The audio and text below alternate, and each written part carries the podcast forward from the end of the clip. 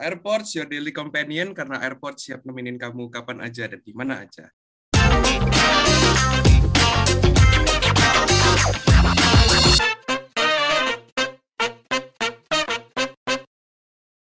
Halo, nama aku Nanda dari HI18. Hari ini kita akan uh, membahas di episode 7 kali ini kita akan membahas tentang seseorang yang mungkin sudah tidak asing ya di uh, telinga kalian semua yaitu Mas Agastia Wardana.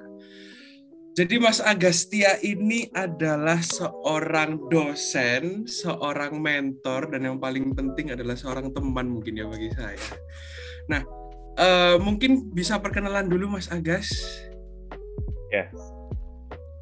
Terima kasih dulu kepada teman-teman Gima sudah uh, diundang dalam airport ya namanya. Uh, perkenalan dulu, perkenal ya? Perlu perkenalan ya? Lengkap atau singkat aja? Lengkap dong. Lengkap ya. Dan sampai SD-nya di mana? Ya, baik. Nama saya Gastia Wardana. Uh, saya alumni HI sebetulnya angkatan 2018. S2-nya.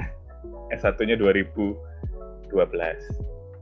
Jadi sudah lebih dari 10 tahun, eh enggak, 8 tahun ya saya di HIUNET. Jadi ya sedikit lebih banyak lah pengalamannya dibanding teman-teman. Nanti mungkin pengalaman itu yang bisa aku share hari ini. Gitu dulu aja dan nanti kita buka dalam diskusi.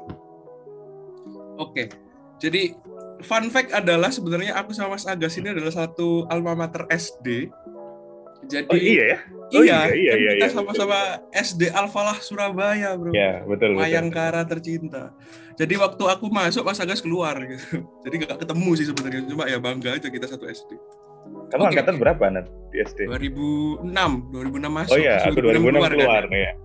Oke, jadi jujur aja sebenarnya nih ya teman-teman, aku sama Mas Agas ini sangat suka ngobrol sama Mas Agas karena Mas Agas ini orangnya sangat resourceful, resourceful banget. Jadi um, untuk ngobrol masalah akademik itu juga um, karena ya beliau dosen gitu kan ya. Um, ngobrol masalah akademik itu sangat sangat uh, resourceful, tapi juga masalah non akademik itu Mas Agas itu orangnya sangat sangat apa ya? sangat sangat hobinya tuh juga banyak lah ada yang masalah sepak bola gitu kan ya masalah Dota gitu kita sama-sama main Dota dulu guys dan juga tapi sekarang kelihatannya Dotanya udah mulai nggak aktif main Genshin Impact sekarang Mas Agas nih. Oke okay, jadi untuk masalah bola gini ya Mas Agas ini um, harus kita apresiasi karena mendukung sebuah tim yang terbaik lah di London yaitu AFC Wimbledon guys. Betul. Saya pendukung AFC Wimbledon. Oke, jadi Mas Agas ini adalah pendukung Chelsea. Gimana Mas Chelsea, Mas? Selamat ya Mas habis menang um, Champions League, Mas. Itu kan bagian dari proses saja. Nanti kan ada kalanya kalah juga. Dinikmati saja. Oke. Sekarang lagi menikmati. Sekarang lagi menikmati. Nanti bahagia hakiki itu ketika FC Wimbledon yang juara Champions Nah itu baru. Oke. Jadi apa namanya? Kalau aku lihat nih Ya. Waktu pertama kali season ini main itu sebenarnya aku ngelihat bahwa um, Chelsea itu merupakan satu tim yang berpotensi untuk menjadi juara gitu. Tapi aku nggak nggak expect bahkan bahwa akan menang CL gitu ya. Aku expectnya mungkin menang EPL gitu. Karena kalau kita lihat dari Ziyech, kemudian Werner, Pulisic gitu kan ya Havertz, Mason Mount gitu kayak keren-keren banget gitu. Apalagi Mendy waktu awal-awal kan juga apa namanya clean sheets-nya juga um, sampai strike gitu kan um, men, tapi menurutku kayak yang paling paling apa namanya me, paling mengkhawatirkan adalah Lampard mas nah perpindahan dari Lampard ke Tuchel itu menurut mas gimana Oh, itu strateginya Abramovich. Memang itu ada harga yang harus dibayar oleh Abramovich. Karena kalau nggak dipecat di tengah jalan, nanti nggak dapat Champions Justru Berarti karena memang... dipecat itu, akhirnya juara. Memang itu perlu dilakukan. Oke berarti memang apa namanya uh, strateginya itu kayak jelek di awal dulu gitu ya mas? So necessary berarti betul. apa hire yang bagus di terakhir-terakhir iya, biar itu expect gitu ya kayak wah kaget gitu kan deh iya. oke jadi tentang Abramovich gitu ya mas ya. Tadi kan mas juga bilang tentang Abramovich. Kira-kira Abramovich masih akan menggelontorkan dana banyak nggak mas ini ke Chelsea mas? iya. Berarti iya, sedikit sedikit tentang Abramovich. Dulu aku pertama kali ya mendukung Chelsea itu di SD nah jadi dulu di SD aku 2004 2004 ya 2004 2005 itu kan SD kita kan sempit ya nah tempatnya kan di pojokan gitu kan. Iya di pojokan sempit. tempatnya Dulu eh, rimbun banget lagi. di pojokan. Dulu tuh ada temanku eh, dia tuh dia fans Chelsea. Setiap dia tuh sampai beli majalah-majalah Chelsea gitu. Nah satu kelas itu karena nggak tahu sepak bola kan waktu itu sepak bola kan cuma AC Milan waktu dulu gitu aja. Nah akhirnya pertama kali aku dukung Chelsea itu ya ketika ada majalah itu ini tim apa kok biru? Karena aku suka biru ya jadi ini kok menarik. Dan karena aku nggak tahu tim lain. Jadi aku dulunya Chelsea waktu itu pas di eranya Abramovich jadi aku sudah ngikuti Abramovich dari 2000 Abramovich dan Chelsea sejak 2004 sampai sekarang. Ternyata kok eh, masuk HI yang ternyata bicara banyak juga tentang itu. Eh, karena aku sempat nulis juga kalau nggak salah tentang sepak bola dan Abramovich Sal- untuk salah satu paper cuman aku lupa. Eh, jadi menarik juga itu nanti untuk eh, dibahas apalagi untuk anak HI ya fenomena-fenomena Abramovich dan segala macamnya itu. Ke depannya apa masih akan menggelontorkan dana untuk Chelsea? Iyalah pasti. Karena Abramovich kan itu uang pribadinya bukan uang eh, perusahaan seperti klub-klub lain yang menjadikan sepak bola sebagai usaha. Berarti eh, next season treble bisa nggak ini mas? Nggak bisa lah karena kalau siklusnya kalau sudah dipecat tengah jalan tahun depan Tuchel dipecat November jadi ya sudah sih Soalnya Abramovich ya mas ya. iya jadi ya itu part of the cycle Oke. gitu. Soalnya Abramovich. Oke. anak HI itu harus bisa membaca alur siklus gitu harus terlihat ketika terlihat patternnya kan kita bisa melihat oh ini bisa dilihat Berarti apa namanya? Short cycle teori. nah nanti Bukan ada long cycle cycle, iya betul Oke. Jadi mungkin iya em, masalah sepak bola itu suatu hal yang panjang bahkan dulu Mas Agus juga pernah nulis Iya. em, paper tentang itu gitu ya. Em, next adalah masalah Dota gitu Mas. Apa yang Mas Agus lihat dari Dota yang kemudian bisa sangat apa namanya? em, kok akhirnya itu kayak dulu itu sempet ya waktu aku ngobrol sama Mas Agas itu bahkan Mas Agas itu coin a term bahwa jangan sampai kuliahmu mengganggu dotamu ya betul itu kan kayak sangat spesial di hati Mas Agas gitu Dota. Kenapa itu Mas? sebetulnya yang bikin spesial itu teman-temannya sih karena Dota kan mainnya berlima ya Iya. justru dulu karena aku punya teman ya teman-teman HI juga yang punya passion yang sama akhirnya kita sering tuh eh, karena kuliah itu kan sehari nggak nggak kayak nggak kayak sekolah ya kalau sekolah kan setiap hari jam 7 sampai jam 4 ya kalau kita dulu SD nah. Sedangkan kuliah itu kan cuman kadang sehari cuma sekali. Nah sisanya kan kita hangout sama teman-teman, kita main. Nah akhirnya kita dulu memilih aktivitas bersamanya bentuknya itu Dota. Dan kita sering banget ke eh, warnet kalau dekat kampus tuh mainnya di di daerah Klampis itu loh. Hmm. Ya daerah Klampis. Itu. Jadi Three Kingdom. ya eh, main daerah di daerah situ. Yes, aku main karena eh, sosial sih, Eh, karena itu tempat hangout kita, sarana hangout kita itu ya di situ. Makanya aku bilang eh, jangan sampai kuliahmu mengganggu dotamu, karena menurutku ya ya Dota itu part of kuliah juga. Maksudnya kan kuliah itu kan hanya belajar ya, tapi kita sosialisasi, berteman. Itu lebih penting menurutku daripada belajarnya. Belajarnya sih dikerjain semalam juga bisa, papernya itu dikerjain semalam bisa, tapi kan prosesnya itu yang nggak bisa kita beli dan itu yang membuat Dota spesial. Jangan ditanya ya berapa jam aku di Dota, jangan ditanya dan jangan dibuka di sini. Buka ya di Steamnya Mas Agas ya. Aksiologi nanti masih ketahuan ada di depan jam, screen saya. berapa jam aku di Dota. Nanti ketahuan bahwa oh, ternyata lebih banyak main Dota dibandingkan kuliah. Iya. Kalau menurutku sih aku bisa relate banget dengan Mas Agas ya karena dulu aku mungkin pertama kali main Dota tuh awal-awal SMP gitu. Tapi waktu SMA mungkin aku baru yang intens gitu kan ya main Dota karena em, I guess aku agak sedikit kesus- kesulitan untuk socializing di SMA aku jadi kayak akhirnya aku socializing di Dota gitu. Tapi kalau aku boleh em, apa ya eh, revisit pernyataannya Mas Agas waktu kelas SPD gitu kan ya bahwa sarana untuk competitiveness seorang manusia itu harus disalurkan. Ya, Kalau ya. orang dulu competitiveness-nya lewat perang, Bro. Kalau sekarang lewat Dota gitu. Kalau zaman dulu ada CS:GO atau Dota gitu kelihatannya nggak banyak perang gitu. Nanti adanya Jinx Pro Hitler gitu. Jinx Pro siapa gitu. TNC dot em, siapa gitu. Jadi ya itu juga harus disalurkan sih kalau aku rasa. Terus kenapa sekarang pindah ke Genshin Impact, Mas? Kemarin Ya, bahkan saya tanya ke Mas Dibio gitu, em, apa namanya deal Dota ini kosong semua sekarang tinggal Mas Dibio tok yang main. Oh iya, iya, Terus kita akhirnya Genshin hari. Impact. Kenapa mas kok sekarang pindah ke Genshin Impact mas? Enggak, sebetulnya dari dulu juga main gitu ya. Simply sebetulnya bukan hanya Dota sih, gameku banyak banget.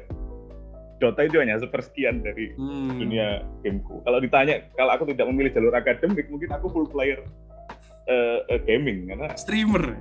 Ya mungkin itu salah satu bidang karir yang dijalani. Cuman kan kalau jadi dosen nggak bisa ya, ngajar dan segala macam. Yeah. Karena itu ya passionku di situ sih menurutku. Dan kenapa sekarang lebih ke Genshin? Ya simply karena nggak ada temennya. Teman-teman sudah pada sibuk dengan ininya masing-masing kan.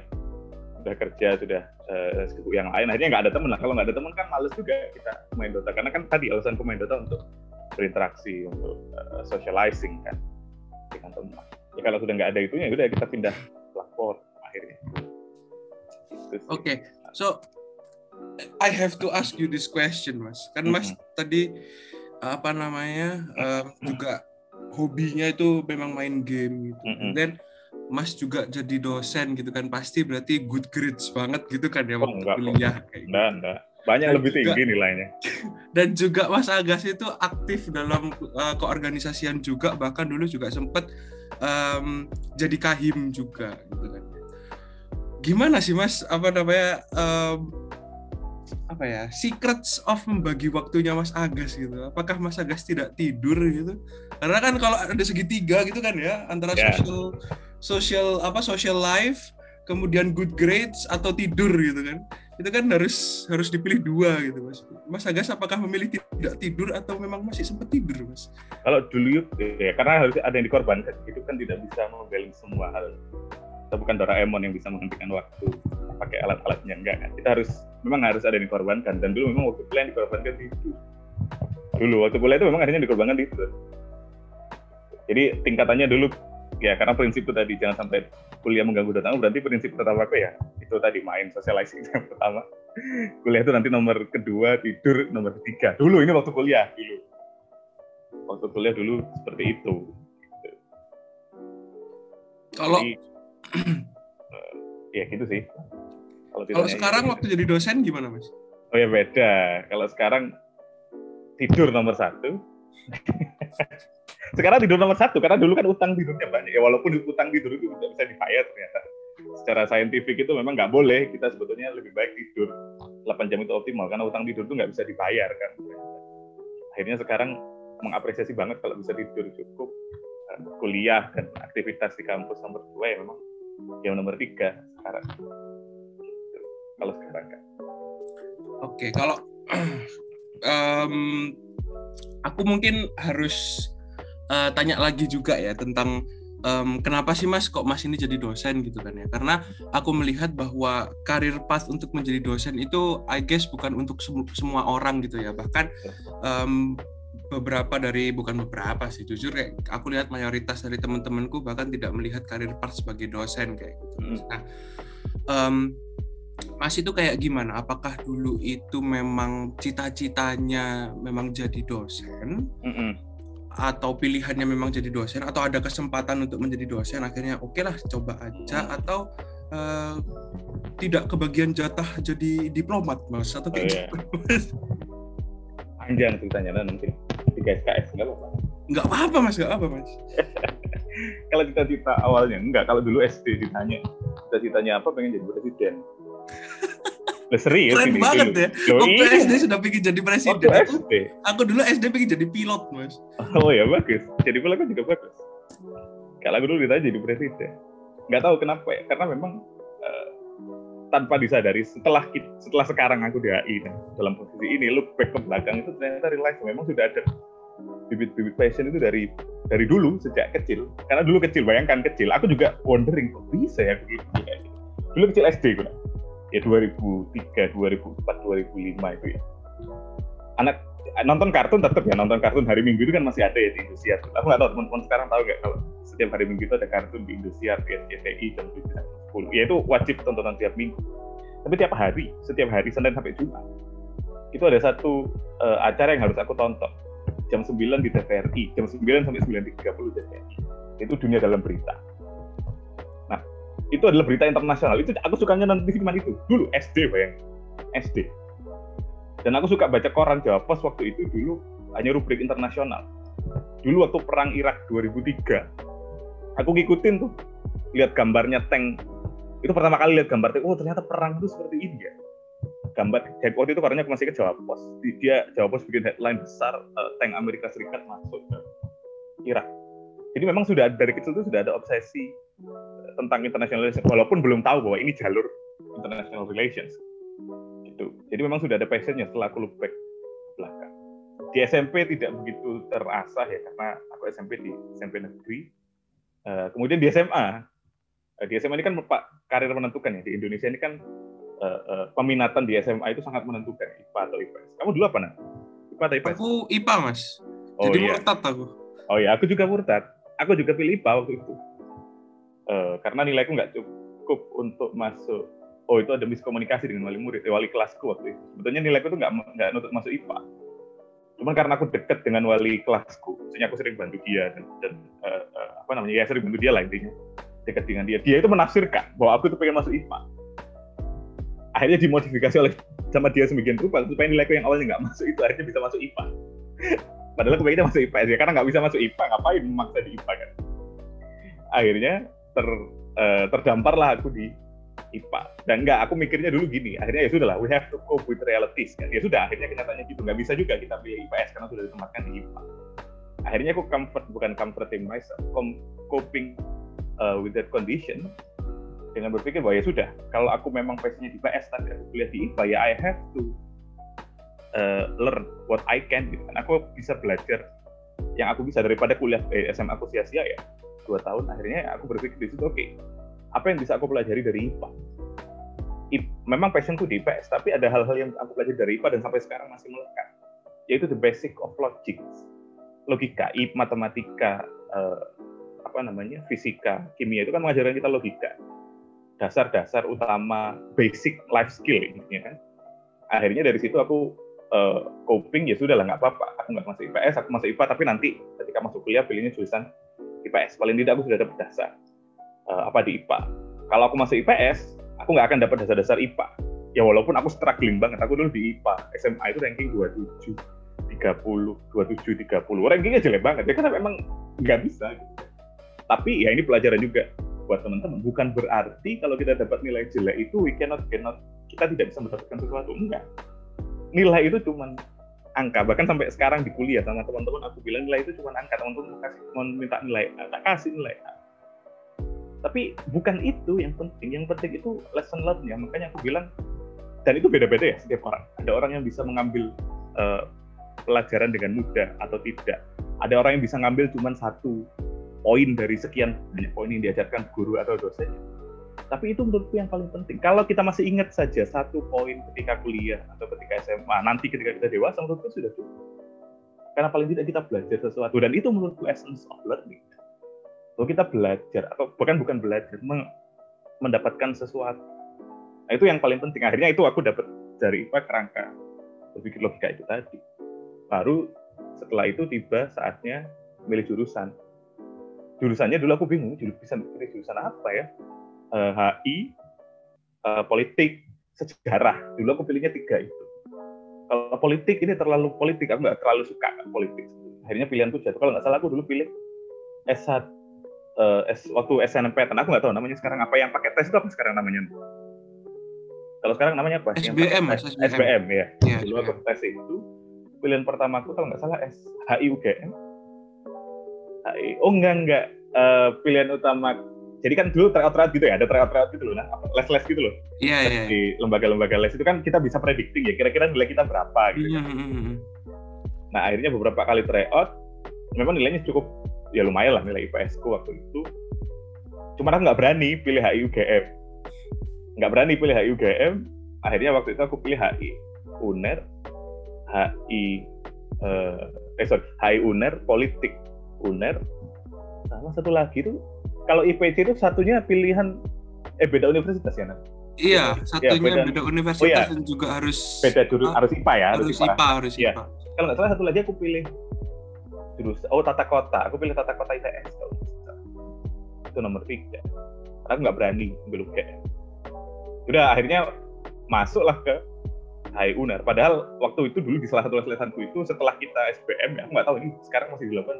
Kita tuh disuruh uh, datang ke tempat les-lesan kita ngasih tahu jawaban kita kira-kira bernilai berapa.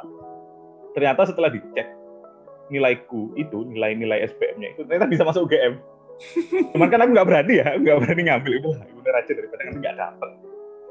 Uh, akhirnya aku milih HI Uner sempat menyesal juga wah aku bisa masuk HI UGM sebetulnya tapi eh, nggak uh, bisa. Ya udah nggak apa-apa tapi ya sudah diterima but then ya we have to take what we get.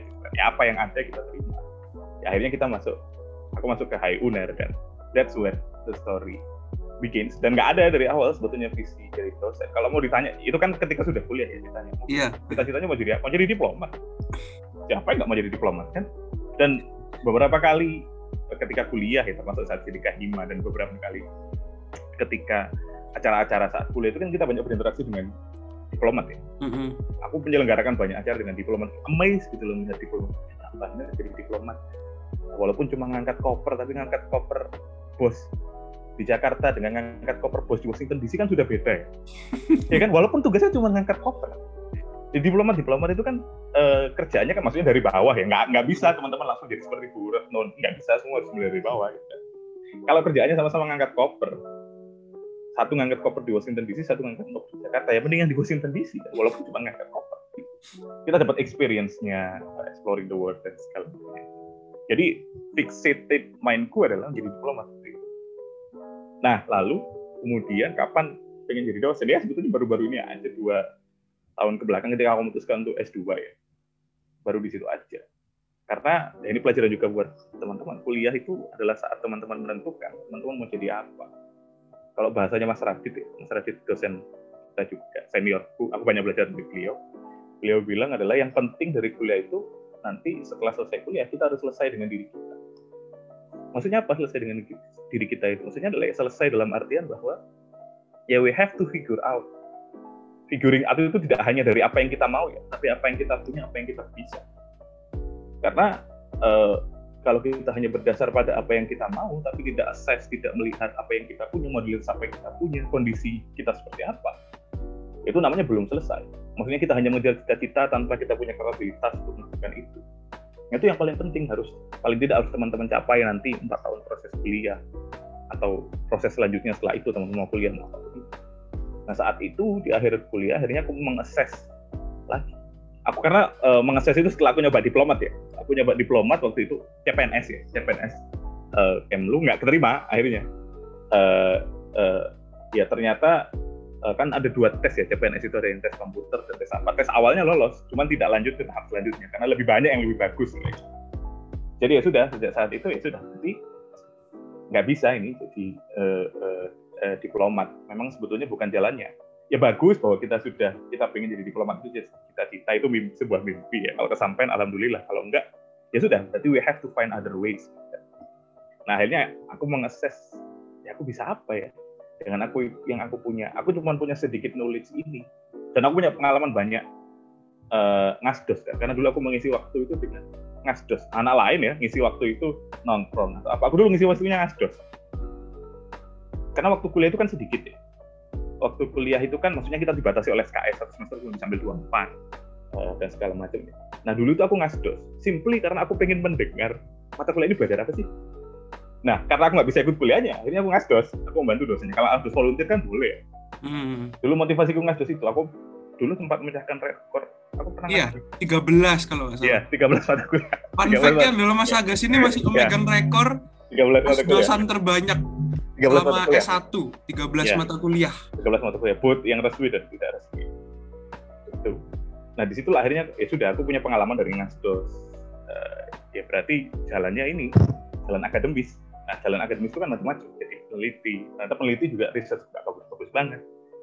Akhirnya aku mengakses uh, dari feedback yang teman-teman berikan uh, dan dari ilmu yang aku punya sedikit knowledge yang aku punya ini paling tidak yang nggak boleh berhenti di aku. Ya, gimana caranya dengan knowledge yang aku punya ilmu yang aku punya I can give back uh, to society and in the meanwhile making a living hmm. dan ya akhirnya ketemunya di ya, jalur ini di jalur uh, dosen itu sih tadi kan pertanyaannya gimana jadi dosen ya itu tadi perjalanan uh, jadi memang ini ya uh, panjang kan ceritanya film tadi gitu dan berarti memang baru belakangan ini ya mas ya kayak ya, kalau menentukan iya I see, I see, I see. Oke. Okay. So mungkin aku juga harus apa ya mengungkap tabir di balik kemisteriusan Mas Agas gitu. Ya. Apa yang misterius? Enggak Mas, jujur kayak mungkin Mas Agas menganggap bahwa Mas Agas itu bukan se seorang yang misterius gitu ya, tapi kayak banyak um, apa ya pendapat-pendapat di luar sana yang menganggap bahwa Mas Agas itu kayak mystifying Mas Agas gitu. Oh, janganlah. Enggak boleh, tidak beneran baik. ini Mas, beneran ini Mas. Dan kita di sini berusaha untuk demystify Mas oh, ya, Agas. Oke, okay, ya, oke, okay, oke. Okay. Apakah benar Mas Agas ini menyelesaikan um, menyelesaikan skripsinya dalam waktu 13 hari atau dua, dua minggu? Atau bahkan lebih singkat daripada itu untuk skripsi ini, Mas. Oke. Okay. Ya, itu ada dua cerita ya ada cerita realitasnya dan ada cerita untuk memotivasi Oh ini katanya ya, Amri kan? dua hari waktu itu bilangnya. Ya, iya makanya itu ada dua-dua sisi. Satu sisi gimana mas? Gimana mas? Me menceritakan satu sisi untuk realitasnya.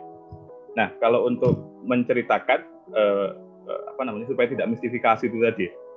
Faktanya realitasnya itu enggak enggak dua hari. Cuman uh, aku lama kok. Aku dulu ngerjakan skripsi itu dua semester ngambil kuliah. Ya itu kenapa aku ngambil dua semester karena aku dulu kan senang kuliah. Senang aku senang banget kuliah itu.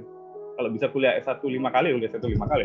Kalau tidak dibatasi waktu seru loh. Itu seru loh iya, iya. teman-teman datang duduk dengarkan dosen ngomong. Eh, di kelas bisa diskusi kan bisa mengungkapkan pendapat. Bayangkan kalau sekarang kita mengungkapkan pendapat tidak di ruang kelas. Dihujat banyak orang kalau kita punya pendapat yang nyeleneh. Tapi kan di kelas itu kan nggak ada yang menghujat kita mau pendapat kalian seaneh apa pun dosen pasti akan merespon. Makanya aku senang kuliah Nah, karena aku senang kuliah, kuliah aku tak molorkan dulu satu semester, which is wrong way itu hal yang tidak boleh dilakukan oleh teman-teman. Jadi kuliah aku dulu empat setengah tahun. Padahal sebetulnya bisa empat tahun atau tiga setengah tahun. Cuman karena aku senang kuliah dan dan kuliahku masih murah, nggak kayak teman-teman. Uh, kuliahnya teman-teman itu 10 kali lipat dari SPP ku. Hmm. Teman-teman hari ini kan. Jadi ya masih bisa memanage lah waktu itu. Nah, uh, jadi pengerjaan skripsi itu dua semester. Dua semester. Cuman, cuman di akhir. Di akhir memang eh, yang cerita dua hari dan tiga hari itu karena memang beberapa hari sebelum deadline diminta oleh pembimbingku saat itu Mas Joko untuk mengubah semua skripsi, mengubah semua. Karena ya ada logika yang belum jalan dan segala macam dan karena mepet uh, dengan deadline kan. Akhirnya waktu itu Mas Joko menyatakan untuk mengubah semua. Boleh lulus semester ini kata Mas Joko tapi harus bisa menyanggupi kamu mengubah ini semua. Akhirnya ya aku akhirnya harus mau nggak mau kan harus lulus semester itu karena sudah empat setengah tahun harus lulus semester itu ya akhirnya aku ubah dalam dua hari tiga hari. Jadi yang terlihat sebetulnya enggak dua bulan tetapi karena dalam du, hamin tiga hari sebelum deadline itu Mas Joko nggak mau ACC kalau nggak mengubah hanya mengubah. Dan itu pun sudah diubah. Uh, di skripsiku itu kan dosen itu harus ACC ya harus ACC untuk diujikan Mas Joko itu nulis. Aku nggak tahu nanti coba aku cari fotonya. Masih ada foto Jacob atau enggak? Mas Joko tulis di skripsiku tanda tangan. Uh, boleh uh, maju dengan syarat. Kalau nggak salah gitu tulisannya. Intinya Mas Joko itu ya masih tidak rela untuk memajukan aku ke skripsi waktu itu. Mimpiku waktu itu Mas Joko. Uh, Mas Joko Susanto. Gitu. Jadi uh, in reality sebetulnya enggak dua bulan. Jadi sudah gathering data dan segala macam. Tapi aku untuk for the sake of story memotivasi teman-teman. Bahwa ya memang bisa tiga hari dan itu bisa dilakukan loh oleh teman-teman karena banyak senior-senior yang lebih expert dari aku di bidang uh, itu. Poinnya adalah skripsi itu tidak susah. Kalau kita tahu apa yang mau tulis, aja. Kan masalah kita itu nggak tahu mau tulis apa. Iya, iya, iya. Jadi itu jawabannya. Interleting nggak dua semester, tapi ya karena ini hari harus ganti supaya di ACC akhirnya ganti tiga hari. Oke. Bongkar ya satu mitosnya ya.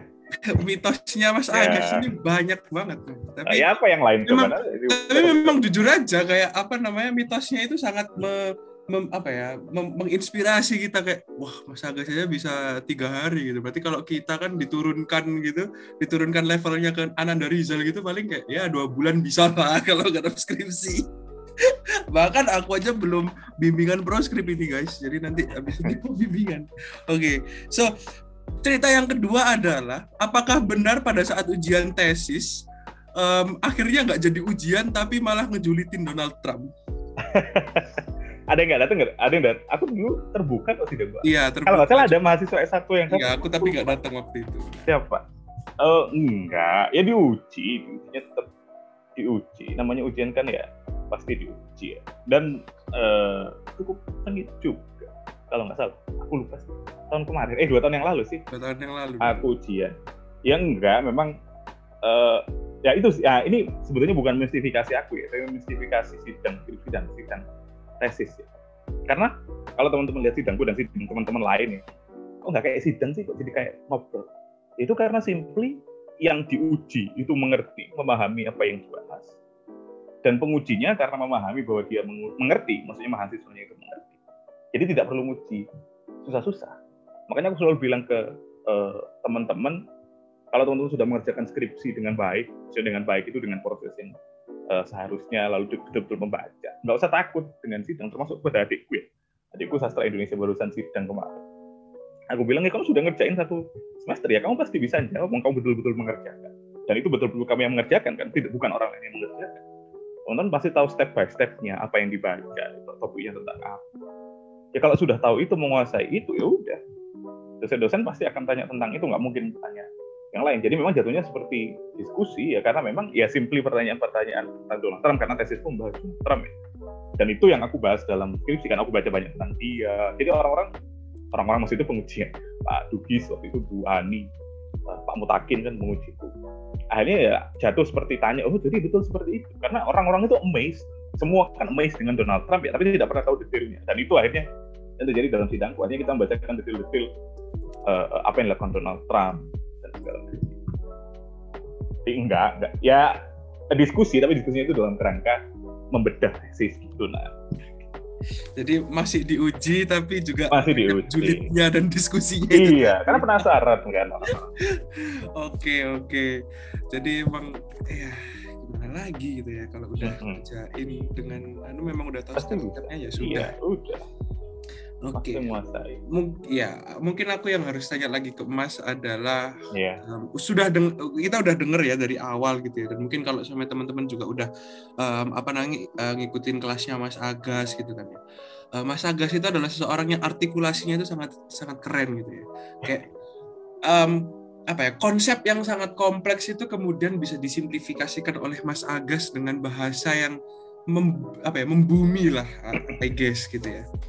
Um, dan dan aku rasa salah satu ciri-ciri orang pintar anjay, itu adalah bisa mensimplifikasikan ke bahasa yang sangat membumi itu tadi tentang suatu hal yang sangat kompleks dan Mas Agas itu bisa gitu.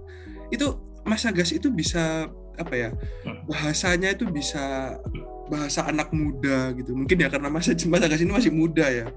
Uh, terus uh, gaya lecture-nya juga itu yang bisa um, apa ya bisa bisa memudahkan teman-teman mahasiswa. Itu Mas Agas itu belajar dari mana gitu? Oh, belajar dari mana? Otodidak sih. Mostly otodidak ya. Nah, karena uh, tapi kalau gaya berbicara nggak pernah belajar sih sebetulnya. nah. Nggak pernah belajar. Cuman uh, prinsipku selalu gini dalam aku menjelaskan apa pun menjelaskan apa pun. Ketika ditanya orang menjelaskan apa pun?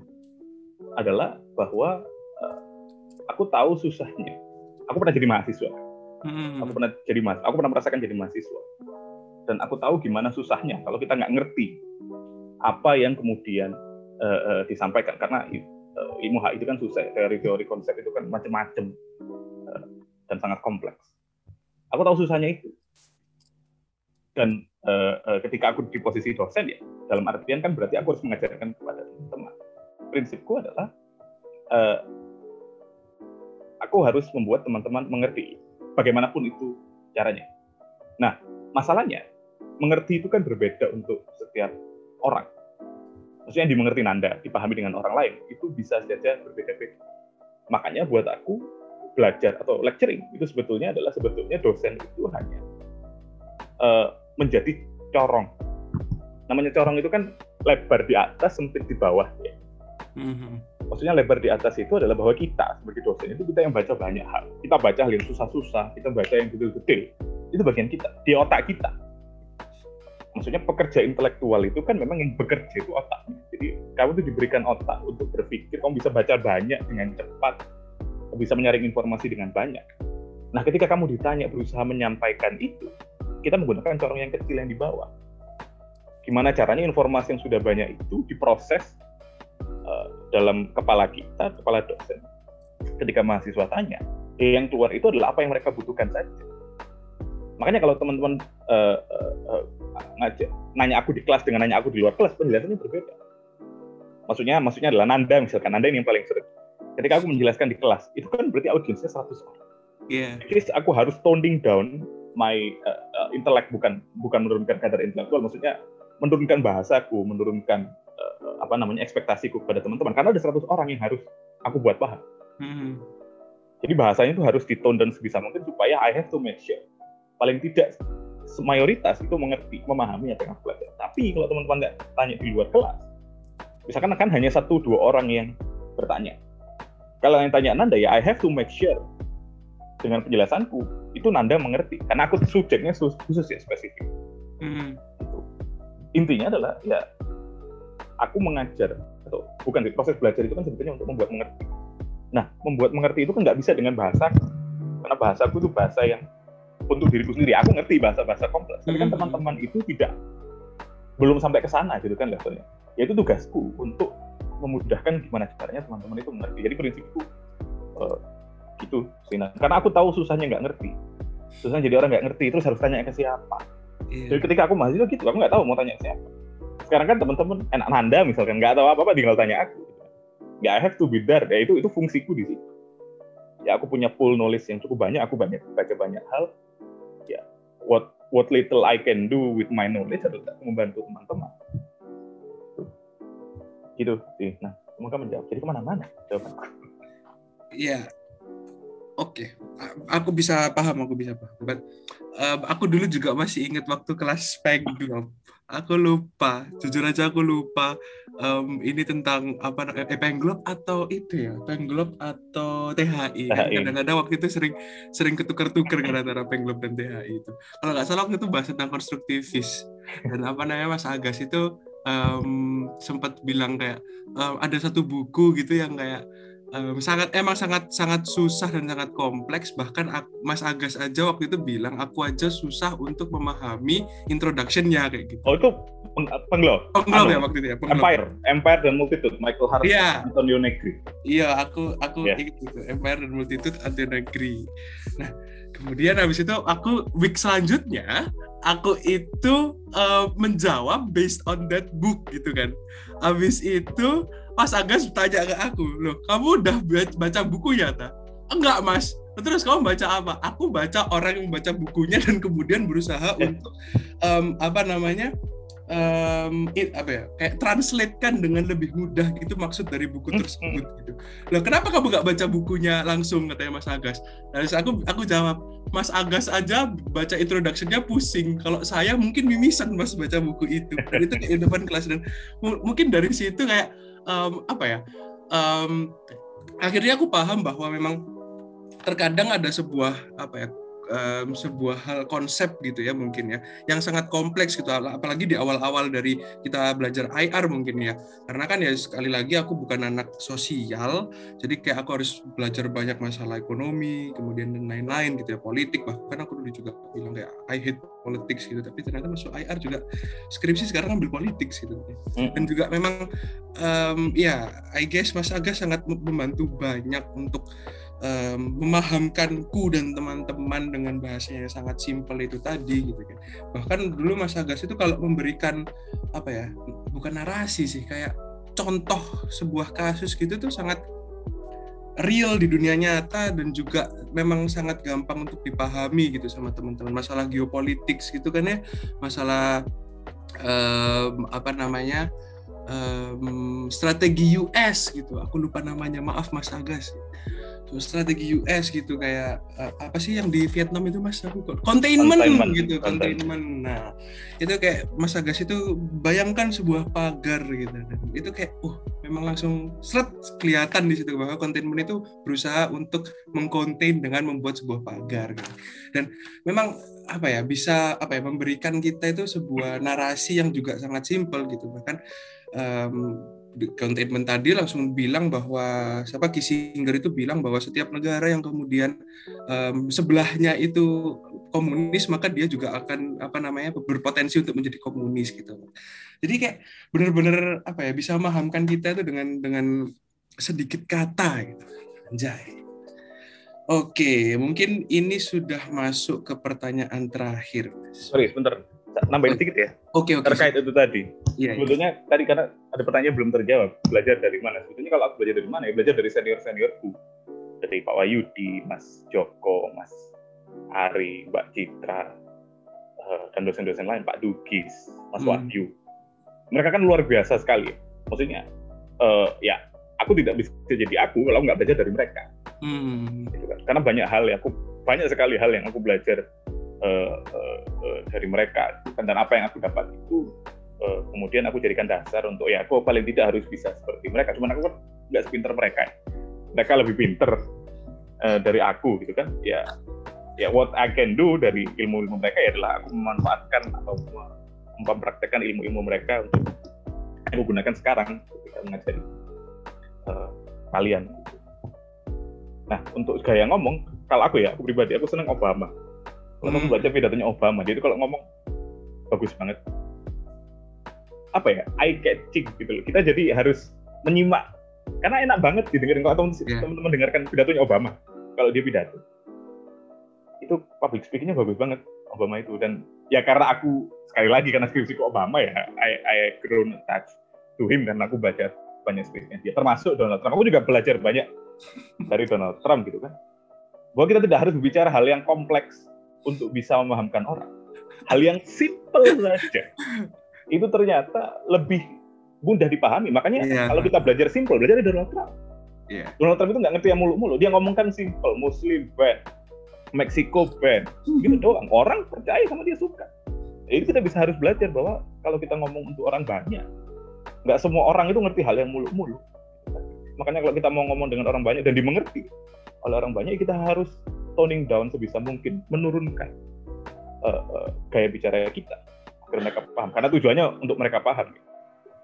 Tapi kalau tujuannya untuk pinter, maksudnya supaya mahasiswa itu kemudian jadi sangat pinter. Nah nanti beda lagi cara belajarnya. Nanti Nanda sudah ngerti cara belajarnya kalau pinter. Aku bisa menuntut. Kalau aku, aku bisa menuntut mahasiswa kalau mau beneran yang belajar, aku bisa memaksa eh, teman-teman. Kalau teman-teman bimbingan dengan aku nanti uh, uh, akan merasakan lah.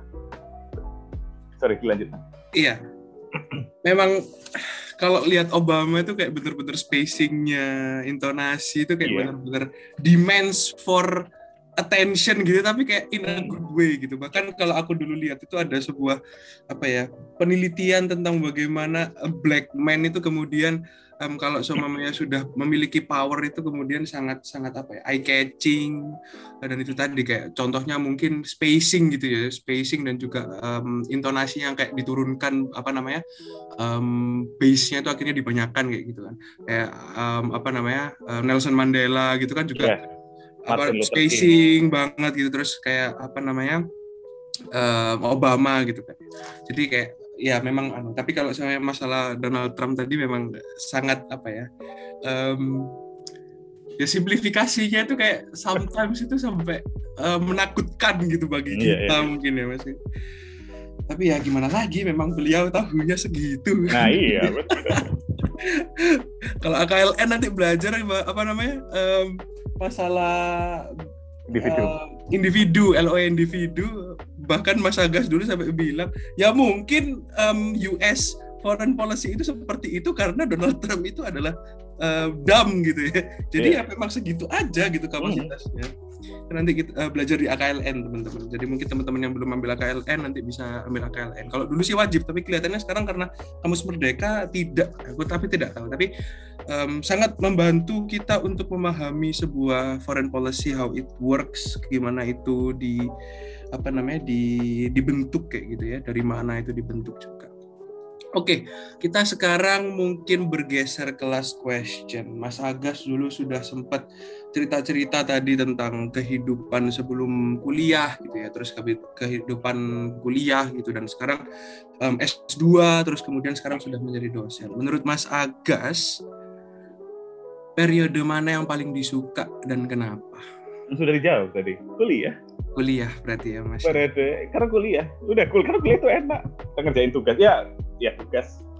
itu ya ya aku bisa paham kenapa teman-teman tidak suka tugas dan aku juga kalau ngerjain tugas itu ya hamin satu jam hamin 30 menit baru um, mengerjakan sih makanya skillku terbangun di situ tidak dapat dipungkiri mahasiswa ini punya skill yang luar biasa terhadap Karena, deadline ya mas ya? iya work under pressure-nya keren-keren uh, banget uh, rekorku itu 4000 kata satu jam setengah S2 itu rekor 4000 kata satu jam setengah? Karena ya nggak nggak murni 4000 kata sih 2000 something karena 1500 nya udah sudah ada. Itu S2 waktu paper S2 UAS S2 tuh mata kuliah apa?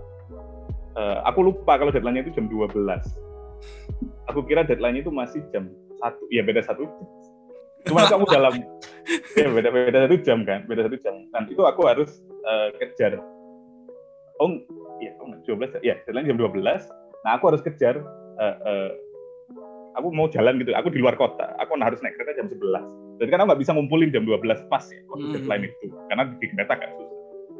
Akhirnya jam aku dan, dan aku tuh nyadar jam 9 karena teman-teman pada ngepost di grup jangan lupa deadline-nya jam 12 jadi kan waktunya cuma dua jam mau ngerjain jam 9 sampai jam 11 ya udah akhirnya dipaksa. Ternyata ya bisa juga. Dengan segala ininya ya, uh, uh, kekurangannya. gitu. Makanya aku senang kuliah karena hal-hal yang seperti itu akhirnya akan selesai dalam satu jam ujian kayak ujian itu kan ujian meskipun ujian itu susah dan membebani teman-teman, at, tapi at the end of the day it will pass. Ketika teman-teman sudah selesai, dia itu akan lewat. Tapi kalau sudah di luar kuliah, maksudnya urusannya banyak sekali, banyak urusan-urusan lain yang lebih uh, membingungkan atau memusingkan kita. Makanya aku senang kuliah. Karena kuliah itu hanya sesimpel datang masuk kelas, mendengarkan, kerjain tugas, ngumpulin uang, sudah repeat. Kan enak ya, cuman gitu doang hidupnya makanya paling senang paling kuliah sih dan itu tadi karena uh, kuliah kan nomor dua ya nomor satu kan ketika kuliah tadi uh, itu tadi sosialisasinya yeah. dengan teman-teman makanya uh, lebih suka waktu kuliah oke okay. baiklah um, karena kita tadi juga sudah mendengar um, apa ya cerita-cerita atau sharing dengan, dari Mas Agas gitu ya. Um, tadi udah bahas tentang hobinya Mas Agas tentang AFC Wimbledon is the best football club in London gitu kan ya. Terus juga tadi bahas tentang masalah Dota, kemudian masalah um, Genshin Impact gitu kan ya.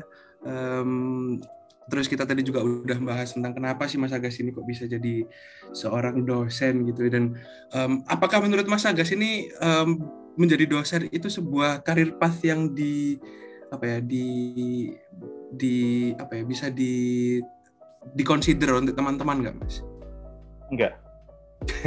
Enggak itu dalam konteks seperti ini. Maksudku adalah ya itu kan my own path dengan segala hmm. yang aku bilang tadi dengan segala apa yang aku modalitas yang aku punya dengan kondisi yang ada segala macamnya best course-nya ya dosen. Kalau bisa jadi lebih dari dosen ngapain jadi dosen? Untuk teman-teman ya. Untuk teman-teman. Oke. Okay. Dan lagi tadi disclaimer dulu, semua cerita inspirasi ini jangan diterapkan ya. Karena banyak juga pelajaran nggak baiknya. Oke, okay, oke. Okay. Berarti apa namanya? Uh, kalau mau menerapkan ya siap-siap untuk mendapatkan uh, getahnya juga gitu. Ya. Iya, konsekuensi semua itu kan tentang konsekuensinya juga. Konsekuensi ya tadi kita juga bahas tentang kehidupan non akademiknya Mas Agas, kehidupan akademiknya Mas Agas dan juga sekarang um, dengan apa namanya uh, perpisahan bahwa memang yes kalau bisa teman-teman jangan jadi dosen tapi jadi yang lebih dari dosen tapi kalau ingin jadi dosen ya nggak masalah. Nggak masalah. masalah. Itu kan at the end of the day your choice. Ya yeah, at the end of the day it's your choice guys. Jadi um, with that bombshell um, it's time untuk mengakhiri podcast um, episode 7 tentang apakah Mas Agas ini manusia atau bukan. Ternyata manusia guys. Ternyata manusia. Masih makan nasi kok. Ternyata masih makan nasi ya. Mas Agas ma sukanya nasi pecel nggak sih Mas atau soto daging mas. Dulu sering cerita juga tentang masalah makanan ini aku sama Mas Agas karena kan ya both of us sama-sama bigger than normal guys yeah. I guess. Karena kita punya kapasitas yang lebih besar. Kapasitas makanan yang lebih besar daripada teman-teman yang lain mungkin ya. Jadi oke okay, with that bombshell it's time to end this podcast. Terima kasih teman-teman. Wassalamualaikum warahmatullahi wabarakatuh. Waalaikumsalam